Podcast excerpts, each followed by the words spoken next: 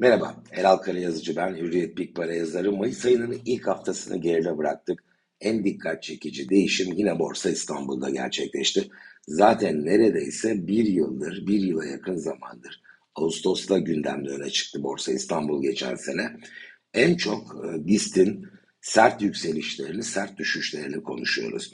Ne oranda bir kayıp oldu? Şubat ayını 5237 puanla kapatmıştı BIST endeksi ve takip eden 2 ay yani Mart ve Nisan'da geri çekilmişti. 4617 Nisan kapanışı oldu.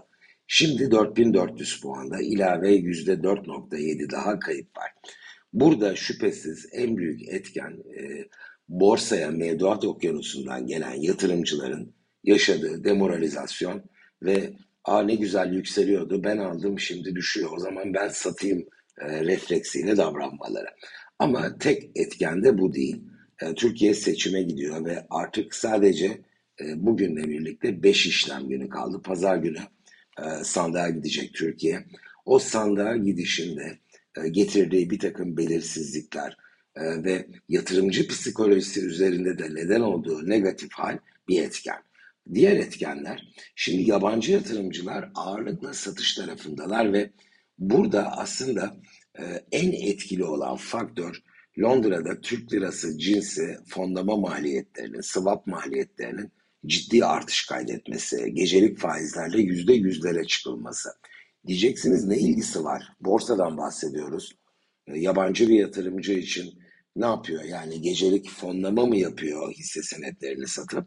Hayır, yabancı yatırımcılar bir ülkeye yatırım yaptığında iki risk alır. Bir, nominal olarak aldığı varlığın değerinin düşmesi. İki, o ülkenin para biriminin değer kaybetmesi ve bundan dolayı zarar uğramak. İşte ikincinin riskini yönetmek için 100 e, liralık hisse senedi yatırımı yapacaksa Türkiye'de 100 liralık da dolar TL'de vadeli alım yönünde pozisyon alarak aslında kur riskini sigorta eder.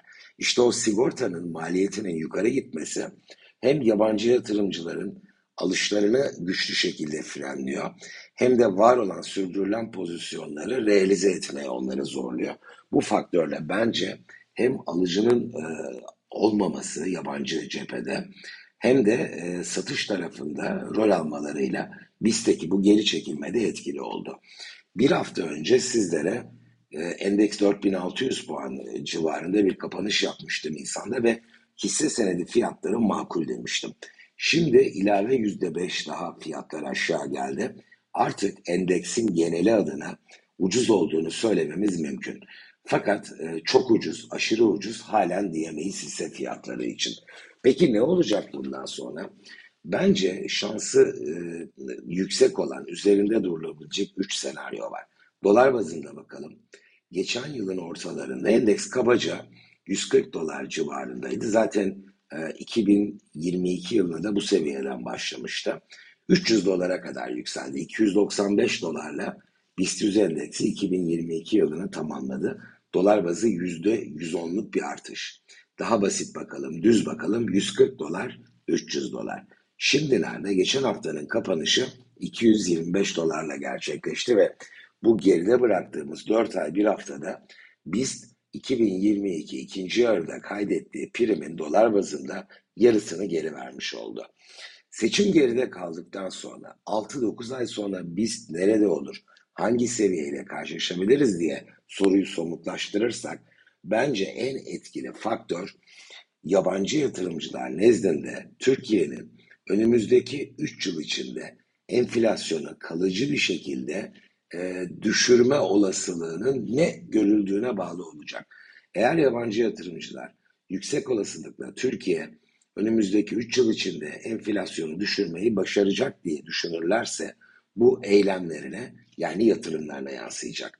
En güçlü iz düşününü biz risk primi olarak ifade edilen CDS üzerinde göreceğiz. Şu anda 550 bas puan civarında. Eğer olumlu beklenti baskınlık kazanırsa ben 6-9 ay sonra BIST endeksini 450 e, dolar civarında görme ihtimalimizin yüksek olduğu görüşündeyim. Bu da var olan düzeyden dolar bazı yine yüzde yüzlük bir prim potansiyeli anlamına geliyor. Fakat tek senaryo bu değil. İkinci senaryo Türkiye'de yüksek enflasyonun varlığını sürdürmesi, bunun büyüme üzerinde de önümüzdeki süreçte güçlü bir baskı unsuru olarak ortaya çıkması. İşte bu kötü senaryoda TL bazında bence aşağıda fazla bir alan yok. Çünkü her e, enflasyon içeren 3 aylık periyot e, ilave %10 iskonto getiriyor. Şirket öz sermayeleri TL olarak yukarı gittiği için. Ama dolar bazında BIST'in %100 prim yerine %40'lık bir kayıpla 6-9 ay sonra karşımıza 125 dolarla çıkması da bence alternatif senaryo. Diyeceksiniz yapma 125 dolarla nasıl olur? Geçen yılın e, ilk yarısında BIST 125 dolara kadar düşmüştü. O yüzden bu da çok sıra dışı bir senaryo, çok ihtimal dışı bir seçenek değil. Ya üçüncü senaryo, yine 225 dolar e, etrafında bir yerde karşılaşabilir miyiz? Endeksle 6-9 ay sonra.